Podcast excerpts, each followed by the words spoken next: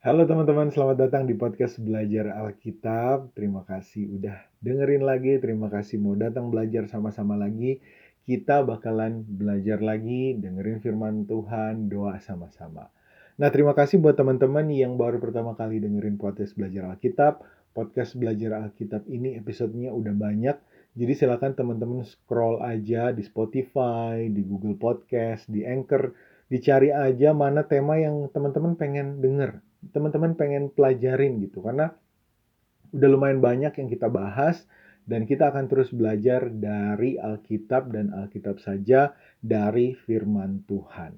Gue mau nyapa juga teman-teman yang udah eh, dengerin dari Australia, dari Malaysia, dari Amerika, dari Singapura, dari Jepang, dari Kambodia, dari Inggris, dari Belanda, dari Jerman, dari Filipina, dari Hong Kong, dari Taiwan, India, New Zealand, uh, dari Arab, dari Switzerland, Brunei, uh, Dominican Republic, dari Sweden, dari Denmark, dari Thailand, Ireland, juga Austria, ada uh, Korea Selatan, ada Israel, ada Romania, Cina, Estonia, Maroko, Norway, French, Saudi Arabia, Chili, dan Turki. Wah, lumayan banyak ya kita teman-teman uh, yang dengerin ini seharusnya bisa berbahasa Indonesia karena uh, ini dalam bahasa Indonesia. Jadi puji Tuhan kita sama-sama rame-rame lumayan banyak negara yang kita sama-sama belajar firman Tuhan dan kita belajar firman Tuhan dari Alkitab tanpa diartiin yang aneh-aneh, tanpa dibuat-buat dan memang ini semua dari Alkitab dan Alkitab aja. Jadi Alkitab bilang apa, ya itu firman Tuhan, kita lakuin gitu.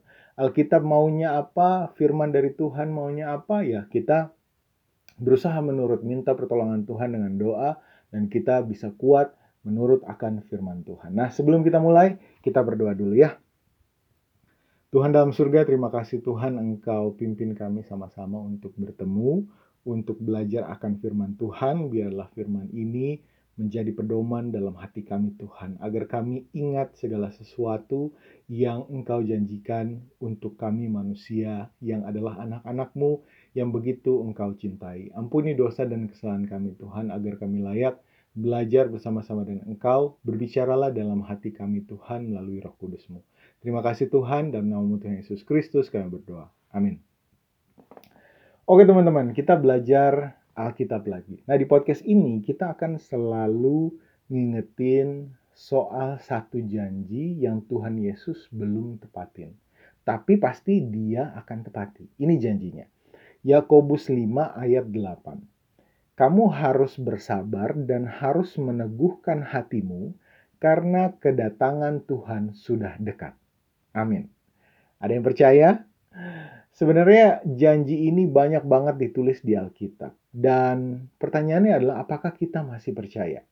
Atau eh, apakah kita masih mau untuk lihat kedatangan Tuhan Yesus?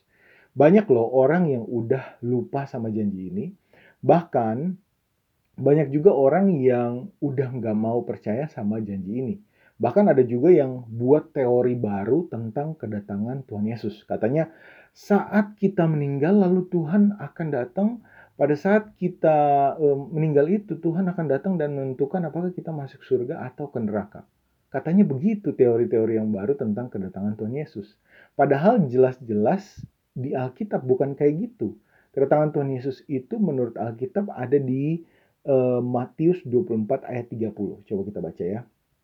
Pada waktu itu akan tampak tanda anak manusia di langit dan semua bangsa di bumi akan meratap dan mereka melihat anak manusia itu datang di atas awan-awan di langit dengan segala kekuasaan dan kemuliaannya.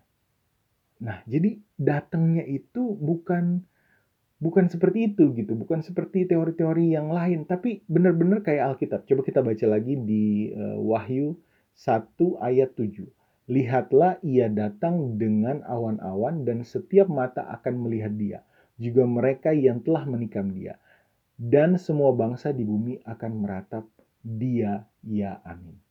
Nah, jadi kedatangan Tuhan Yesus itu nanti yang kedua kali itu langsung datang dari surga, datang turun ke bumi langsung gitu nggak nggak nggak yang Tuhan Yesus nggak akan datang lagi maksudnya itu adalah pada saat kita meninggal nggak gitu gitu jadi kedatangan Tuhan Yesus yang kedua kali itu datang langsung menjemput umatnya, anak-anaknya, dan dia datang sebagai raja. Dan Tuhan Yesus datang kedua kali. Ini adalah harapan utama buat kita, orang-orang yang percaya akan firman Tuhan. Orang-orang yang bilang bahwa kita orang Kristen. Ini adalah harapan utama kita. Karena kita di sana akan lepas dari beban dunia ini. Dari segala sakit, dari duka cita, dan banyak hal gitu. Saat Tuhan Yesus datang, kita akan hidup sama dia penuh damai dan sukacita pastinya selama-lamanya. Kalaupun kita meninggal nih sebelum Tuhan Yesus datang yang kedua kali, kita akan dibangkitkan. Buat orang yang semasa hidupnya itu setia dan menurut sama firman Tuhan sesuai dengan Alkitab. Itu akan dibangkitin pada saat Tuhan Yesus datang. Jadi kita juga akan lihat kedatangan Tuhan Yesus walaupun kita udah sempat meninggal, terus Tuhan Yesus belum sempat datang, nanti pada saat kedatangannya kita akan dibangkitin dan kita akan lihat. Kita coba lihat uh, di Alkitab ya ayatnya seperti apa. 1 Tesalonika 4 ayat 16. Sebab pada waktu tanda diberi, yaitu pada saat penghulu malaikat berseru dan sangkakala Allah berbunyi, maka Tuhan sendiri akan turun dari surga. Ini kedatangan Tuhan Yesus ya, turun sendiri dari surga dan mereka yang mati dalam Kristus akan lebih dahulu bangkit. Jadi ini harapan buat kita. Kalau kita percaya mati dalam Kristus, hidup kita sepanjang hidup kita setia, mulai sekarang kita mau bertobat gitu. Sesuai Alkitab, kita akan dibangkitin. Baca di 1 Tesalonika 4 ayat 16. Nah, buat kita yang pilih percaya, pilih setia, pilih menantikan kedatangan Tuhan Yesus, terus berdoa, minta kekuatan karena bakalan banyak tantangan buat kita. Orang-orang akan lihat kita itu uh, quote unquote sedikit aneh. Bahkan dibilang kita itu bodoh gitu. Karena kita nurut Alkitab, percaya sama janji-janji Alkitab. Contohnya misalkan, kita nurut firman Tuhan. Kita dalam bisnis, kita udah nggak mau lagi curang Padahal ada kesempatan nih dan banyak banget orang yang ambil kesempatan itu untuk curang. Juga banyak banget pebisnis yang udah anggap curang itu adalah hal yang wajar karena memang ada kesempatannya. Men lo harus ambil untung gitu. Tapi karena kita menurut firman Tuhan, kita nggak mau nyuri, kita nggak mau ngerugin orang lain, kita nggak mau bikin orang lain susah, kita dianggap bodoh. Contoh lain lagi, misalkan ada orang yang bermasalah sama kita, lalu uh, dia cari pertengkaran padahal kita sebenarnya benar gitu. Nah, kita tuh milih untuk diem, bahkan kita milih untuk berdamai. Bahkan lebih uh, dipandang bodoh lagi, kita milih untuk minta maaf. Walau sebenarnya kita nggak salah. Orang akan lihat, idih bodoh banget ya. Padahal sedang menurut firman Tuhan. Padahal kita cuma menurut firman Tuhan. Firman Tuhannya bunyi kayak gini. Mazmur 34 ayat 14. Jauhilah yang jahat dan lakukanlah yang baik. Carilah perdamaian dan berusahalah mendapatkannya. Jadi kita menurut firman Tuhan kita nggak mau cari musuh, kita mau diem aja, kita nggak mau bertengkar, bahkan kita minta maaf walaupun kita nggak salah. Tapi orang anggapnya, idih, bodoh banget ya, padahal bisa menang gitu. Kita baca lagi firman Tuhan. 1 Korintus 1 ayat 18 dan 21. Sebab pemberitaan tentang salib memang adalah kebodohan bagi mereka yang akan binasa. Tetapi bagi kita yang diselamatkan, pemberitaan itu adalah kekuatan Allah. Oleh karena dunia dalam hikmat Allah tidak mengenal Allah oleh hikmatnya, maka Allah berkenan menyelamatkan mereka yang percaya oleh kebodohan pemberitaan Injil. Memang kita akan dianggap bodoh sama orang yang tidak menerima Tuhan Yesus. Dari tadi kita tahu bahwa pemberitaan tentang salib, pemberitaan Injil itu sangat penting untuk kita umat Tuhan. Karena maknanya itu Tuhan telah mati untuk menghapus dosa kita. Dan sekarang kita punya kemampuan untuk menang dari dosa, yaitu dengan bertobat. Sekarang kita mau bertobat, kita punya kemampuan untuk menang dari dosa dan setia dalam Tuhan Yesus. Makna pemberitaan Injil itu juga artinya janji keselamatan dan hidup kekal itu yang sangat banyak tertulis di Alkitab itu akan digenapi dengan kedatangan Tuhan Yesus. yang kedua kali menjemput umatnya kita yang setia menurut akan firman Tuhan. Jadi eh, apa janji Tuhan buat kita yang berpegang tentang hal-hal yang dipandang bodoh bagi dunia ini? Kita baca di 1 Korintus 1 ayat 27 sampai 30. Jadi kalau kita percaya akan firman Tuhan dan dianggap bodoh, apa sih janji Tuhan buat kita yang percaya? 1 Korintus 1 ayat 27 sampai 30. Tetapi apa yang bodoh bagi dunia dipilih Allah untuk memalukan orang-orang yang berhikmat. Dan apa yang lemah bagi dunia dipilih Allah untuk memalukan apa yang kuat.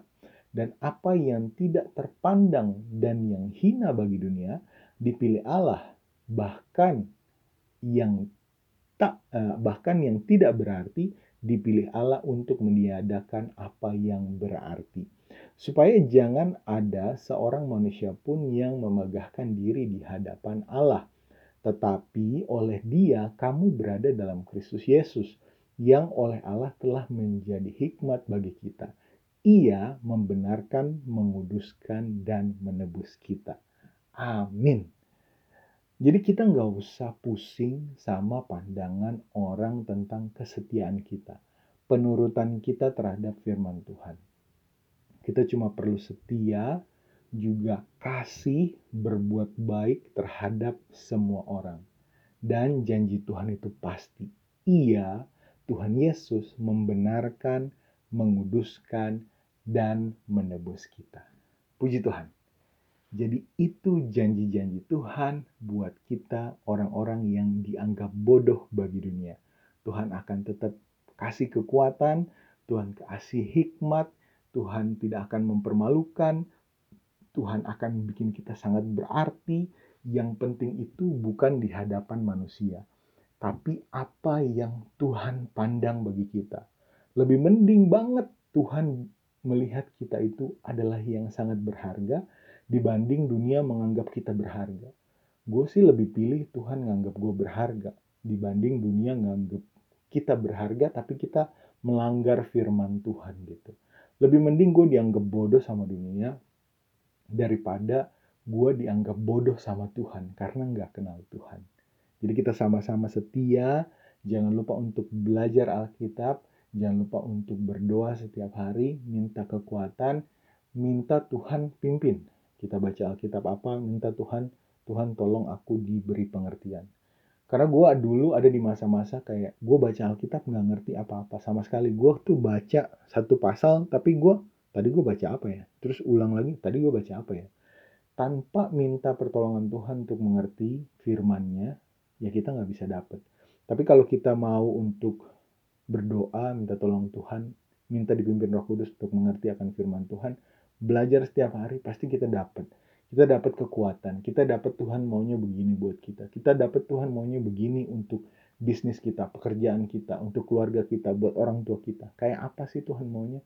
Tuhan akan kasih tahu lewat firman-firmannya yang ada di dalam Alkitab. Oke teman-teman. Terima kasih banyak. Kita hari ini belajar itu aja. Uh, teman-teman diundang juga untuk ikutan belajar Alkitab bareng-bareng di uh, belajar Alkitab kelas yang ada di setiap hari Sabtu jam 2 siang. Linknya ada di belajar Alkitab podcast, nanti dilihat-lihat aja. Di sana juga banyak reels yang kita buat share firman Tuhan, jadi teman-teman bisa repost di Insta Story, silahkan. Dan kita ketemu di Sabtu uh, jam 2 siang, kita bisa belajar sama-sama bareng lewat Zoom. Atau kita juga bisa ketemu setiap Rabu untuk belajar dari podcast Belajar Alkitab. Dan jangan lupa setiap hari harus belajar secara pribadi, berdoa secara pribadi sama Tuhan. Oke, kita berdoa ya teman-teman. Terima kasih Tuhan Engkau bantu kami untuk belajar akan firman-Mu. Terima kasih Engkau berikan kami pengertian bahwa Engkau akan datang segera. Dan pasti Engkau akan datang. Biarlah kami setia semasa hidup kami Tuhan. Dan bila mana kami tidak sempat melihat kedatangan-Mu, Engkau akan tetap bangkitkan kami untuk melihat Engkau sebagai Tuhan dan Raja kami, menjemput kami, menebus segala uh, kesusahan kami yang ada di dunia ini Tuhan, untuk hidup bersama Engkau di surga damai dan penuh sukacita bersama orang-orang terkasih kami, bersama keluarga kami Tuhan. Bapa, kami juga minta kekuatan karena menurut firman-Mu adalah kebodohan bagi dunia. Kami akan dianggap aneh, kami akan dihina, tapi biarlah kami tetap setia karena yang penting adalah kami dianggap berharga oleh-Mu, kami benar di hadapan-Mu Tuhan. Terima kasih Tuhan, pimpin kami, apa pun kegiatan kami, apa pun beban kami, ada yang sakit biarlah Engkau sembuhkan Tuhan.